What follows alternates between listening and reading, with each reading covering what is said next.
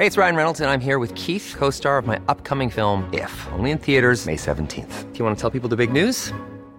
All right, I'll do it. Sign up now and you'll get unlimited for $15 a month in six months of Paramount Plus Essential Plan on us. Mintmobile.com slash switch.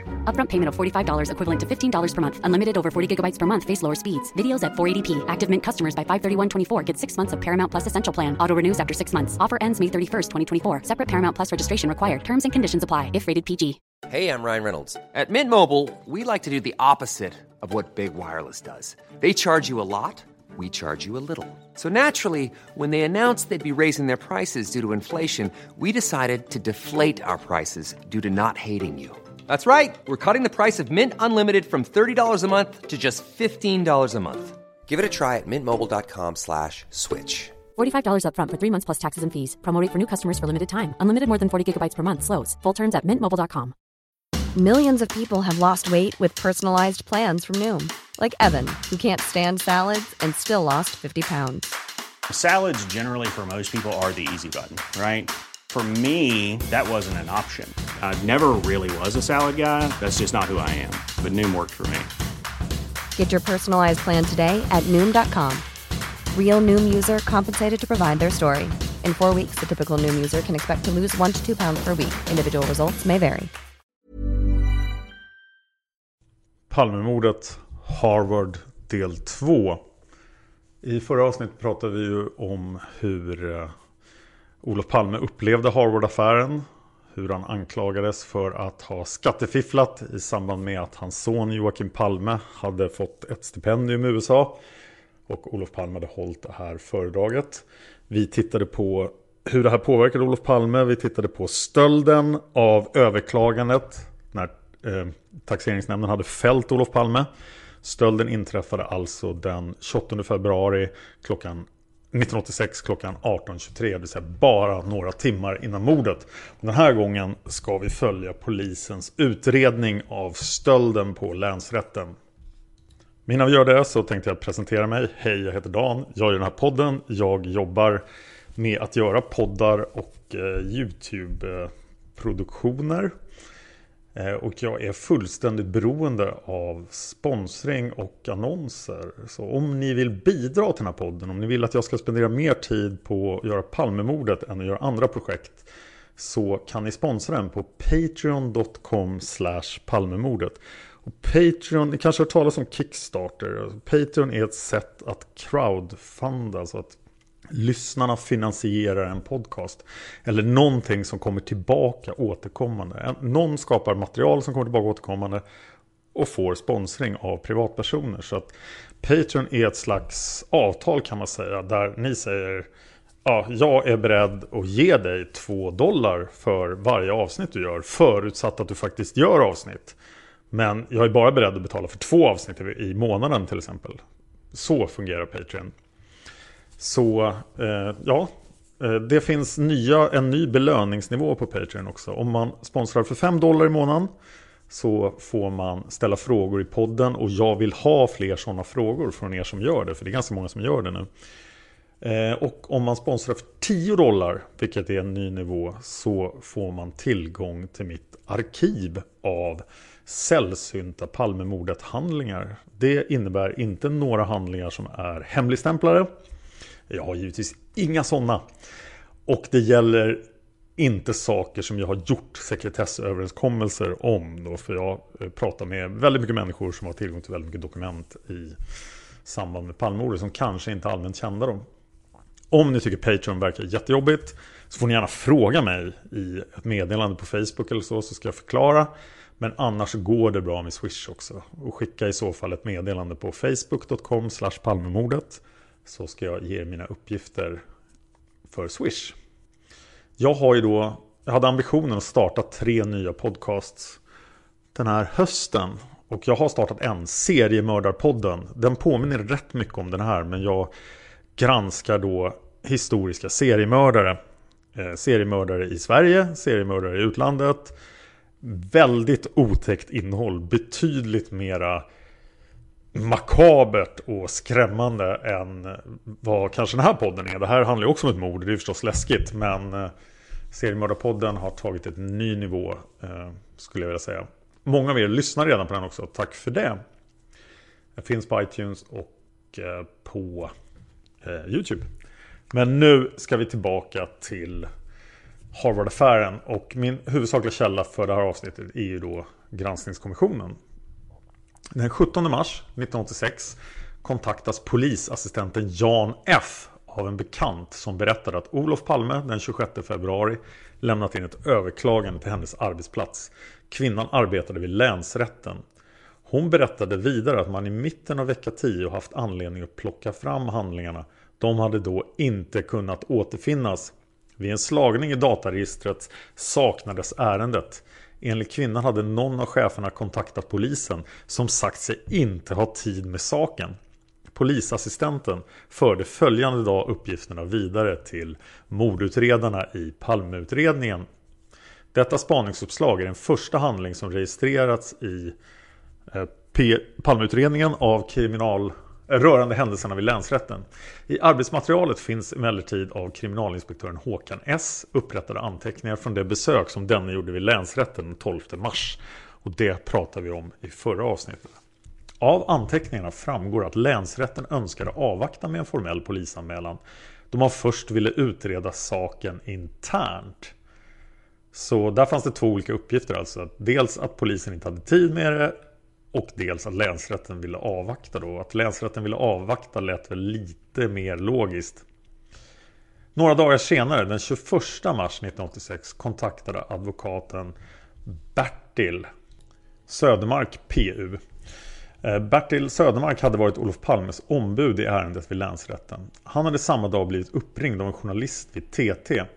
Denna hade frågat om Bertil Södermark hört att originalhandlingarna i Harvard-ärendet var försvunna och att ärendet hade raderats från länsrättens dataregister den 28 februari. Då så var det dags för första utredningsomgången. Stockholmspolisen inledde förundersökning i ärendet den 25 mars 1986 av en anteckning daterad den 29 april 1987 och upprättad av en polisintendent Gunnar Severin framgår att förundersökningen lades ner den 18 mars 1987. Av samma anteckning framgår också att avdelningschefen vid Rikspolisstyrelsen Ulf Karlsson och Solveig Riberdal från förundersökningsledningen tagit del av utredningen. When you're ready to pop the question, the last thing you want to do is second guess the ring. At Bluenile.com you can design a one-of-a-kind ring with the ease and convenience of shopping online. Choose your diamond and setting. When you find the one, you'll get it delivered right to your door. Go to Bluenile.com and use promo code LISTEN to get $50 off your purchase of $500 or more. That's code LISTEN at Bluenile.com for $50 off your purchase. Bluenile.com code LISTEN. Hey, I'm Ryan Reynolds. Recently, I asked Mint Mobile's legal team if big wireless companies are allowed to raise prices due to inflation. They said yes. And then when I asked if raising prices technically violates those onerous two year contracts, they said, What the f are you talking about, you insane Hollywood ass? So to recap, we're cutting the price of Mint Unlimited from $30 a month to just $15 a month. Give it a try at mintmobile.com slash switch. $45 upfront for three months plus taxes and fees. Promo rate for new customers for limited time. Unlimited more than 40 gigabytes per month. Slows. Full terms at mintmobile.com. Quality sleep is essential. That's why the Sleep Number Smart Bed is designed for your ever evolving sleep needs. Need a bed that's firmer or softer on either side? Helps you sleep at a comfortable temperature? Sleep Number Smart Beds let you individualize your comfort so you sleep better together. JD Power ranks Sleep Number number 1 in customer satisfaction with mattresses purchased in-store. And now, save 50% on the Sleep Number limited edition Smart Bed for a limited time. For JD Power 2023 award information, visit jdpower.com/awards. Only at a Sleep Number store or sleepnumber.com. Av arbetsmaterialet framgår att polisen med ett undantag eh, inriktat utredningen i denna första utredningsomgång på de fem personer som med flextidskort passerat ut ur länsrättens lokaler efter den tidpunkt då raderingen registrerats, det vill säga klockan 18.23 den 28 februari 1986. Förhör hölls med drygt tiotalet personer. Därutöver har några personer kontrollerats främst genom registerslagningar. Registerslagningar är alltså när poliserna sitter och söker i sina egna databaser, då, så kallad inre spaning. De utredningsåtgärder som vidtagits är väl beskrivna i den promemoria från Palmeutredningen som har upprättats. I arbetsmaterialet finns en anteckning daterad den 16 april 1986 som kriminalkommissarie Lennart Torin upprättat i anledning av ett samtal han haft med utredningsmän vid Palmeutredningen. Eller med en utredningsman i Palmeutredningen. Utredningsmannen hade uppgivit vissa misstankar eh, att Lars L, boende i Sollentuna, skulle kunna ha något med länsrättens Olof Palme-ärende att göra. Lars L skulle vara en utbildad tekniker, även om han de senaste åren arbetat i socialbyrån i Tensta. Lars L påstods ha varit god vän med bombmannen Lars Tingström och en kumpan till denne samt ha umgåtts förtroligt med en annan person i denna krets som var tekniker och specialist på data.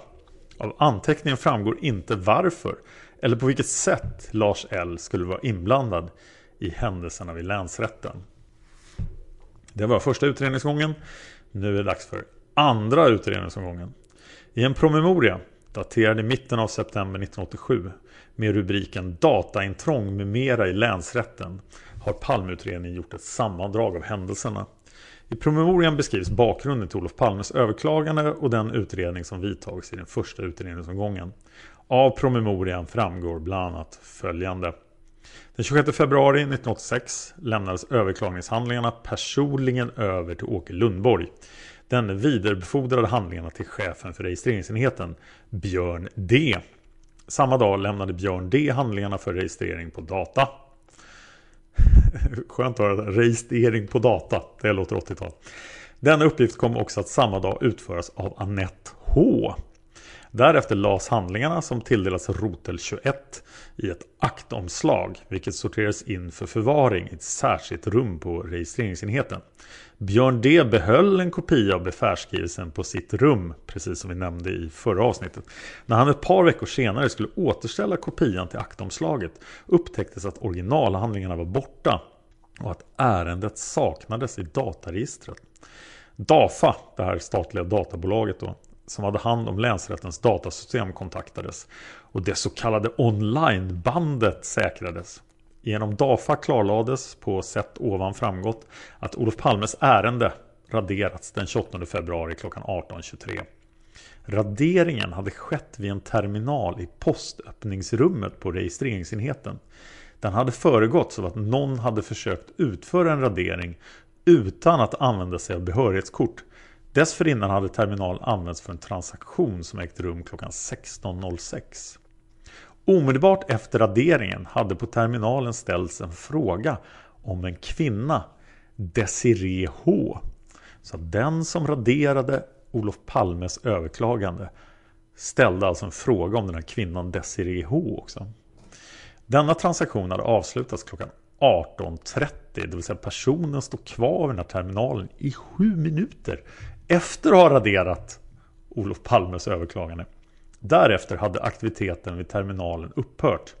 Vid en kontroll av vilka anställda som varit kvar på länsrätten aktuell tid visade sig att fem personer hade använt sin, sitt flextidskort efter klockan 18.23. Av dessa fem personer arbetade två, här kallade H och S, på registreringsenheten. Så H och S jobbar på registreringsenheten. Bägge hade stämplat ut efter klockan 19.00. ABAB-vakten Tommy H hade företagit rondering i lokalerna klockan 19.27. I promemorian återges också i korthet vad som sagts under förhör med 11 personer. S då, en av de här två som jobbade på registreringsenheten. S som arbetade som assistent på registreringsenheten uppgav att hon denna kväll arbetat över eftersom hon hade haft så mycket att göra. Hon hade lagt märke till några till om några andra personer fanns kvar på arbetsplatsen efter klockan 18.23. I promemorian kommenteras att S under förhöret verkat anmärkningsvärt förtegen. De kände alltså att hon hade någonting att dölja. Den andra personen på registreringsenheten var H. H som arbetat som kontorist på registreringsenheten sedan slutet av november 1985 medgav så småningom att han tillsammans med praktikanten P så en ny person här, alltså praktikanten P, faktiskt som hastigast tittat på Olof Palmes besvärshandling eftersom de hade varit intresserade av Palmes namnteckning. Enligt H var det praktikanten P som plockat fram besvärshandlingen efter att ha frågat om denna i, denna i datorn. H uppgav sig inte känna till hur man raderar i datorn. Så P, som alltså var praktikant, arbetade på registreringsenheten sedan den 25 februari 1986. Det vill säga P hade bara varit där i tre dagar när det hände. Praktikanten P medgav att han den 27 eller 28 februari efter att ha slagit upp ärendet på datorn av nyfikenhet plockat fram besvärsakten och tittat i den. Därefter hade han stoppat tillbaka akten. Eventuellt hade han tittat på handlingen tillsammans med H. Så H och P säger båda att de hade tjuvtittat på Palmes besvärshandling. Då. Desiree H, vars ärende någon tittat på i datorn omedelbart efter raderingen, kände inte till att hon överklagat ett skattebeslut utan hänvisade till modern Gertrud H.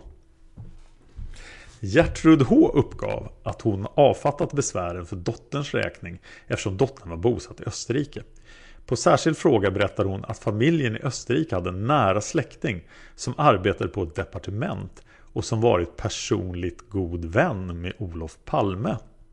I promemorian nämns också att en fingeravtrycksundersökning gjorts av Desiree Hs besvärshandling och att, det, och att en jämförelse mellan på handlingen säkerställda avtryck och S fingeravtryck givit negativt resultat. Så S det var, så här, det var kvinnan som jobbade på registreringsenheten. Hon har alltså inte pillat på Desirées Hs besvärshandling på själva papperna. Men den som har begått brottet har alltså sökt på Desiree Hs handling. Vilket då verkar väldigt konstigt. Och den här familjen i Österrike som hade en nära släkting som arbetar på ett departement och var personlig vän, god vän med Olof Palme. Det är enda kopplingen mellan Desiree H och Olof Palme. Och då undrar jag ju direkt varför har man inte kollat fingeravtrycken på praktikant P och på H då som jag erkänt att de varit pillat på Palmes handlingar. Promemorian avslutas med konstateranden att nycklar och behörighetskort lär vara på drift samt att expertis bedömer det vara praktiskt taget uteslutet att radering skett på annan plats än i länsrättens lokaler. Det känns ju tryggt att länsrätten har nycklar och behörighetskort på drift. Det, det låter ju helt bisarrt dåligt. Av en av Palmeutredningen upprättad anteckning, även den daterad i september 1987, framgår att efter genomgång av utredningen rörande dataintrånget vid länsrätten och efter samråd med bland annat byråchefen hos riksåklagaren Jörgen Almblad beslutats att fortsatt bearbetning av materialet skulle ske. Några dagar senare tog Palmeutredningen kontakt med den utredningsman som handlagt den tidigare utredningen vid Stockholmspolisen. Utredningsmannen uppgav vid denna kontakt att in- och utpassering till respektive från länsrätten kunde ske utan att flextidskort användes. Vilket innebar att sådana eh, passeringar inte registrerades. Mot den bakgrunden utökades kretsen av de som kunde misstänkas ligga bakom raderingen och handlingarnas försvinnande från de sex personer som utredningen tidigare varit huvudsakligen inriktad på till hela länsrättens personal, cirka 250 personer. Det vill säga var man inne i länsrättens lokaler så kunde man komma in till registreringsenhetens lokaler. Så förstår jag det. I oktober 1987 förhördes eh, lagmannen Åke Lundborg vid två tillfällen. Han uppgav bland annat att länsrätten sedan flera år tidigare tagit bort instruktionen för radering ur instruktionspärmarna. Haha, om ingen vet hur man raderar så kan de inte radera. Eh, I mitten av oktober 1987 gjordes slagningar i brottsregistret på samtliga 266 anställda vid länsrätten och mellankommunala skatterätten som hade kontorsgemenskap med länsrätten. Vidare kontrollerades om någon av dem var aktuell hos Säkerhetspolisen, förekom i persondokument i förundersökningsregistret eller var registrerade i vapenregistret. Pass och körkortfoton togs fram på samtliga. Kontrollerna visade att några personer, bland annat H, det vill säga han som tillsammans med praktikanten P hade tittat på Palmes handlingar och en Annie F dömts för brott. Två av de anställda förekom sedan tidigare i förundersökningsregistret. Den ena hade lämnat in ett tips baserat på en av fantombilderna och den andra hade hört sig anledning att hon hade haft ett fordon, en Volkswagen Passat, uppställd på viss plats. En handfull av de anställda förekom i vapenregistret men ingen av dem hade något registrerat vapen som skulle kunna utgöra mordvapnet. Det hade varit tur om de hade hittat personer med mordvapnet på länsrätten.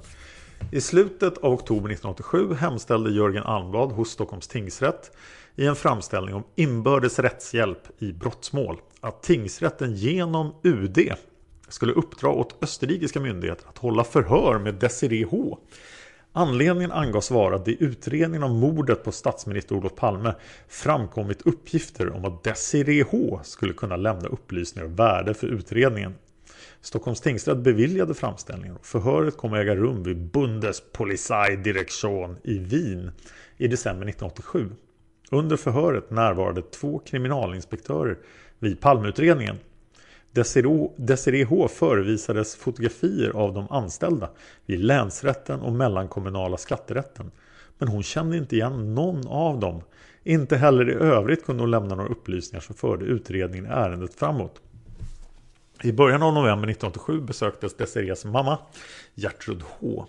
Hon förevisades också fotografier av samtliga anställda vid länsrätten och mellankommunala skatterätten. Inte heller hon kände igen någon. Beträffande släktingen som skulle vara god vän med Olof Palme visade sig att denna uppgift inte var riktig. Vännen hade varken träffat eller haft kontakt med Olof Palme. Under åren 1988 till 1990 företogs så vitt framgår av materialet i stort sett inga utredningsåtgärder i ärendet. Ja, det var inte så konstigt för de var upptagna med att eh, hantera Christer Pettersson. I arbetsmaterialet finns dock en skrivelse daterad i början av december 1988 från kriminalinspektör Inge L. Av skrivelsen framgår följande. Inge L förhörde i början av juli 1986 en jurist en Annie F i samband med utredning av ett rån. Rånaren bodde hos Annie F. Annie F hade varit anställd vid länsrätten och slutat där i maj 1986. Annie F ägde en sommarstuga utanför Stockholm. Stugan utgjorde ett tillhåll för grova brottslingar.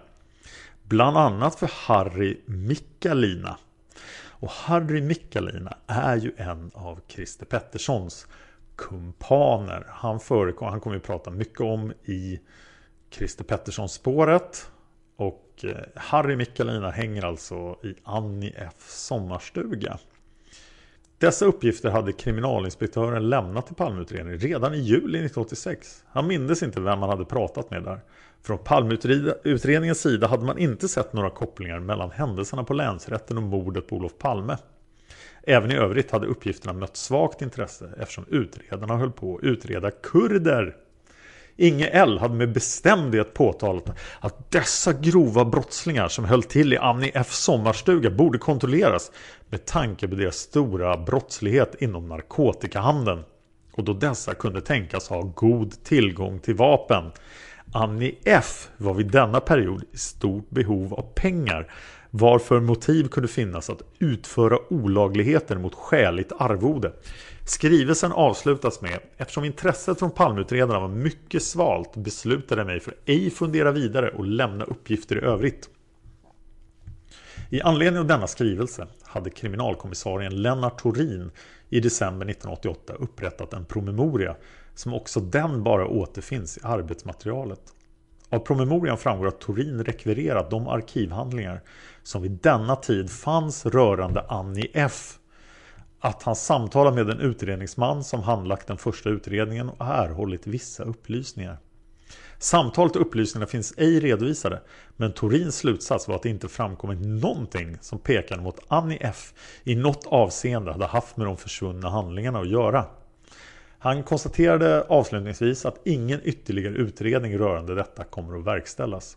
Under sommaren 1989 hörde en person av sig till Palmeutredningen och tipsade om att Annie F som hade varit Sigge Cedergrens flickvän hade arbetat vid länsrätten vid tiden för mordet. Sigge Cedergren kommer vi nog att göra ett antal avsnitt om när vi kommer in på Christer Petterssons spår. Men det är alltså Christer Petterssons knarklangare som bor på Tegnérgatan vid Grand. Hans lägenhet är full av vapen och knark. Han springer runt och gömmer knark på Johannes kyrk kyrkogård. Han äger en del av Oxen. Han är som en hel tv-serie i sig själv. Och jag är så förvånad att en sån person kunde vara ute i centrala Stockholm, bo i centrala Stockholm och ägna sig åt all verksamhet som han gjorde. För Sigge Cedergren är eh, oerhört fascinerande tycker jag. Det är som sagt en hel tv-serie i sig själv. Men Annie F hade alltså varit Sigge Cedergrens flickvän. Man får ofta höra av folk som analyserar eh, Harvard-affären att Annie F var Sigge Cedergrens flickvän. Men eh, vad jag förstår så dels hade förmodligen Sigge Cedergren flera flickvänner. Men hans första flickvän hans, hans främsta flickvän vid mordet var en Lena. Ja, tillbaka till Palmeutredningen. Det är dags för den tredje utredningsomgången. Kring årsskiftet 1990-91 började Palmeutredningen på nytt att utreda händelserna vid länsrätten. I mitten av januari 1991 beslöt chefsåklagare Anders Holin, eh, Helin, förlåt mig, Anders Helin att förundersökning i ärendet skulle återupptas. Nu med två personer, H och praktikanten P som misstänkta. Under januari och februari hölls förhör med en handfull personer utöver H och praktikanten P. Av dessa hade ett par personer förhörts redan under den första utredningsomgången. En av dem som hördes var biträdande chefen för registreringsenheten, Birgitta H. Birgitta H ansåg praktikanten P vara en försigkommen ung man och berättade att när han började vid länsrätten satt han större delen av tiden vid datorn och lekte. Ja, var det 386 som man hade då eller det kanske inte var PC överhuvudtaget. Enligt Birgitta H var praktikanten P kunnig på datorer och han hade utfört saker som inga andra kommit på att man kunde göra. Den 31 januari respektive den 1 februari 1991 förhördes såväl H som praktikanten P på nytt. Båda delgavs under förhören misstanke om brott, undertryckande av urkund och dataintrång. H nekade till misstanken och berättade att under drygt två och en halv timme långa förhöret att han arbetat som kontorist vid länsrätten under perioden augusti 1985 till augusti 1986. Under denna tid har han bland annat arbetat med praktikanten P som varit mycket intresserad av datorer. De har arbetat bredvid varandra på dataterminaler i postöppningsrummet och bland annat registrerat inkommen post.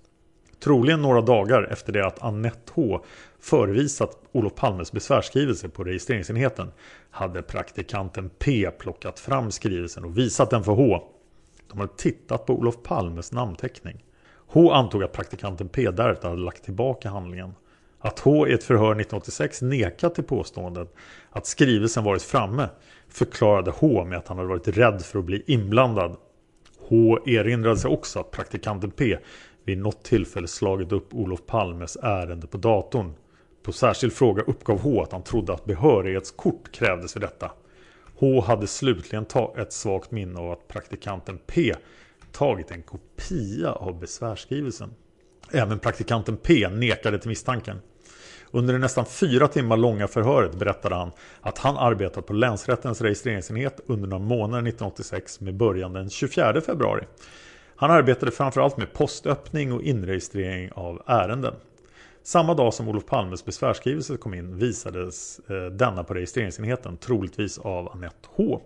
Vid ett senare tillfälle, troligen en, två veckor därefter, hade praktikanten P tänkt plocka fram skrivelsen för att titta på den. Han kunde inte hitta den.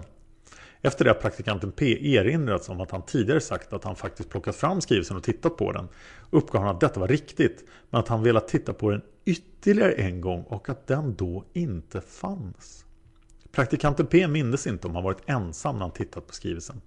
Beträffande frågan om behörighetskort erinrades han om att han tidigare berättade att han dagligen fått låna behörighetskort av chefen eller biträdande chefen för registreringsenheten. Praktikanten P trodde inte att han hade arbetat över den 28 februari 1986 och inte heller kände han till namnet Desiree H, det vill säga hon som hade eh, tjuven hade slagit på efter att han hade raderat, han eller hon hade raderat handlingen. I mitten av februari 1991 begärde Palmeutredningen en ny fingeravtrycksundersökning av det tidigare säkrade avtrycket från Desirées Hs besvärsskrivelse. Nu jämfört med avtryck från praktikanten P. Nu var det dags alltså. Fem år senare. Fem år senare så kollar de där fingeravtrycken mot praktikanten P. Resultatet av undersökningen visade ingen överensstämmelse. I en promemoria daterad i mitten av februari 1991 har Palmeutredningen sammanfattat utredningsläget rörande händelserna på länsrätten. Promemorian innehåller redogörelser för den inledande interna undersökningen som gjorts av anställda vid länsrätten, undersökningen hos DAFA, eh, förfarandet vid radering av data, rutiner vid användning av behörighetskort och flextidskort, förhören med H och praktikanten P samt återstående utredningsåtgärder.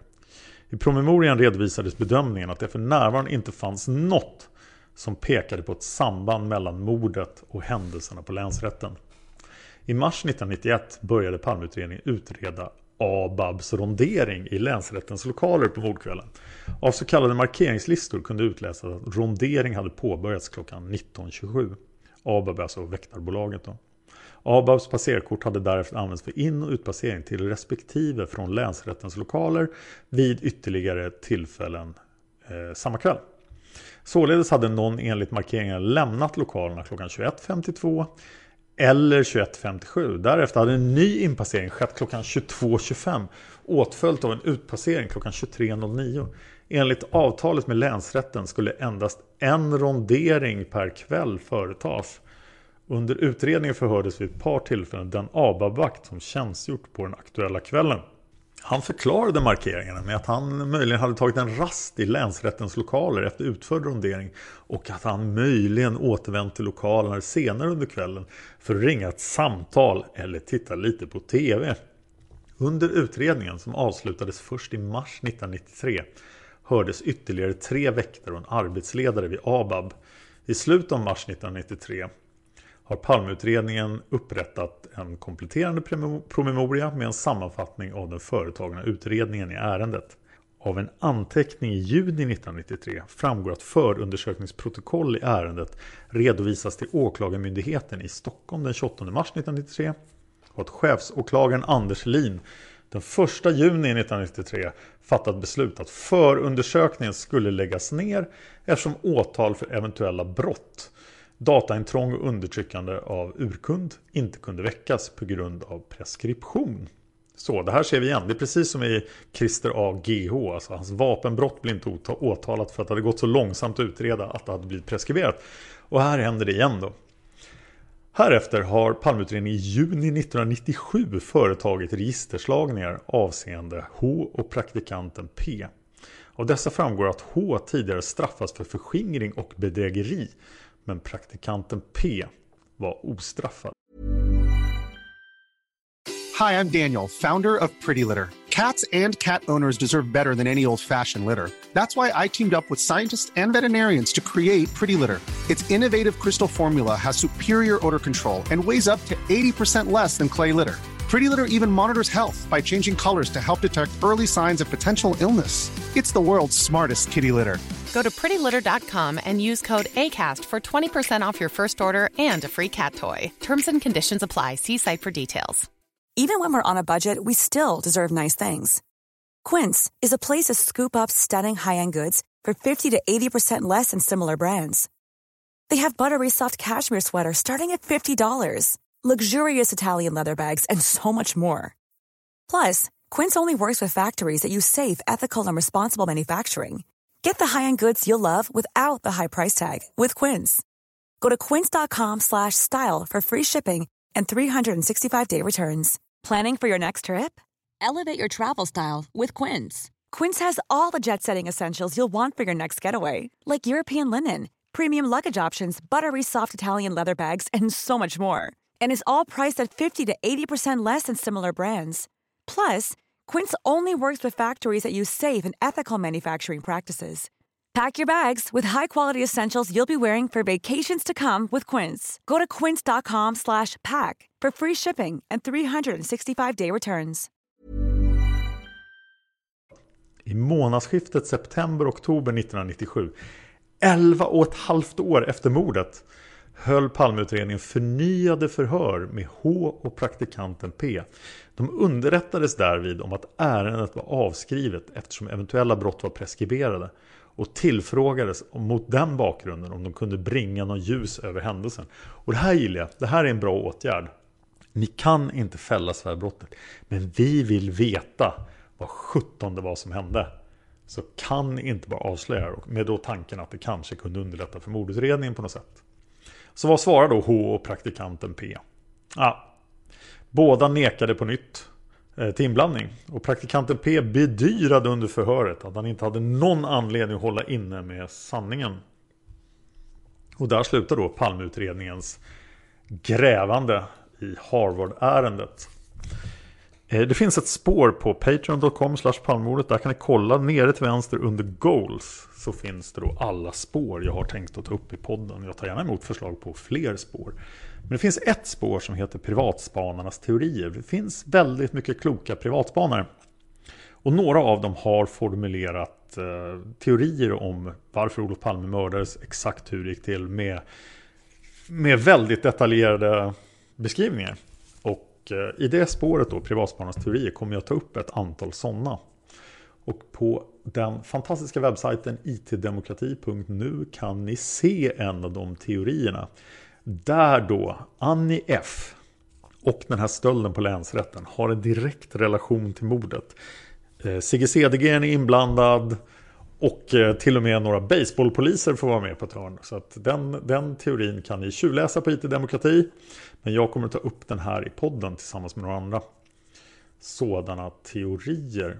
Nu eh, ska jag faktiskt läsa högt från en webbsida, det har jag inte gjort förut. Men eh, den hade lite intressanta synpunkter på det här. För nu tänkte jag att vi ska försöka analysera vad 17 det var som hände här och ställa upp lite hypoteser. Men Palmemordet.net säger varför skulle handlingarna rörande Harvard-ärendet vara stöldbegärliga? Den som stal handlingarna måste rimligen ha sett ett värde i dem. Hade det varit det enda existerande exemplaret finns en logik att lägga beslag på detta och radera ärendet i databasen för att på så sätt bli den enda ägaren till handlingarna. Eventuellt skapar en utpressningssituation, något som kan generera pengar. Som nämnts tidigare var Annie F enligt uppgift i stort behov av pengar vid tidpunkten för stölden av Harvard-handlingarna och har således ett tydligt motiv. Vad som dock är märkligt varför någon som jobbar på länsrätten och är jurist tänker sig att det här skulle vara det enda existerande exemplaret. Denna person bör ha haft tillräcklig kunskap om rutiner och praxis för att kunna dra slutsatsen att flera kopior kanske fanns i omlopp. Möjligen var den noggrannhet med vilken handlingarna inlämnades mer än genomsnittlig. Men det kan ändå inte varit helt och hållet ovanligt att göra precis på det sättet, inlämna handlingar i flera kopior.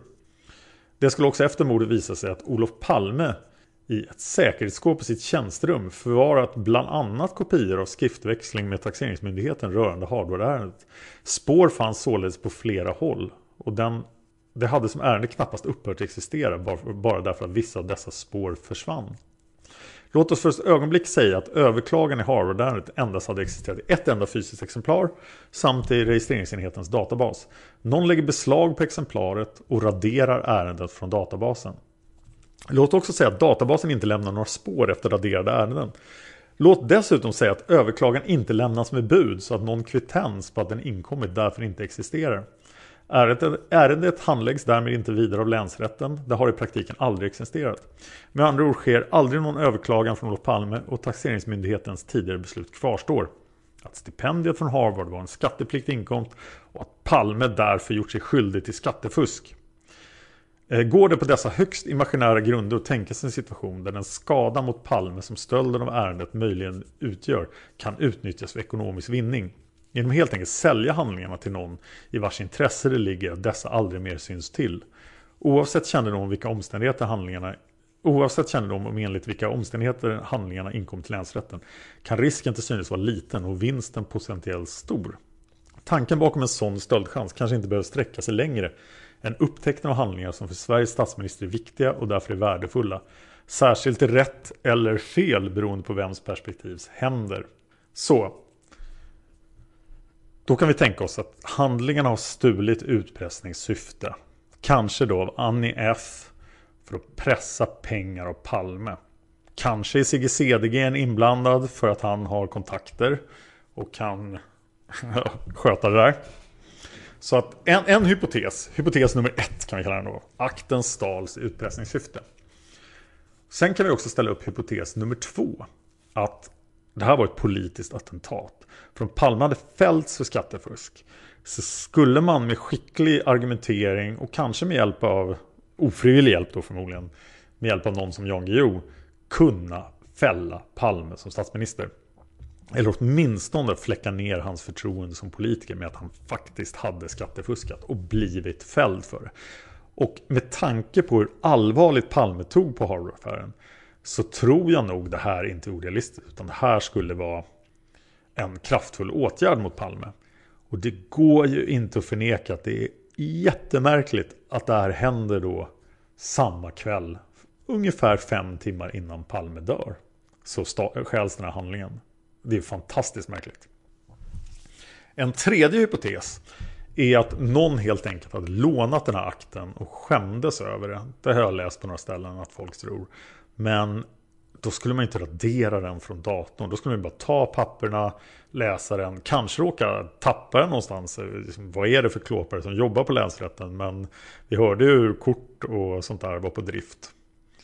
Eh, det låter mindre troligt. Om ni kan komma på någon mer hypotes om vad det faktiskt var som hände på länsrätten på mordkvällen så får ni gärna säga till i kommentarerna.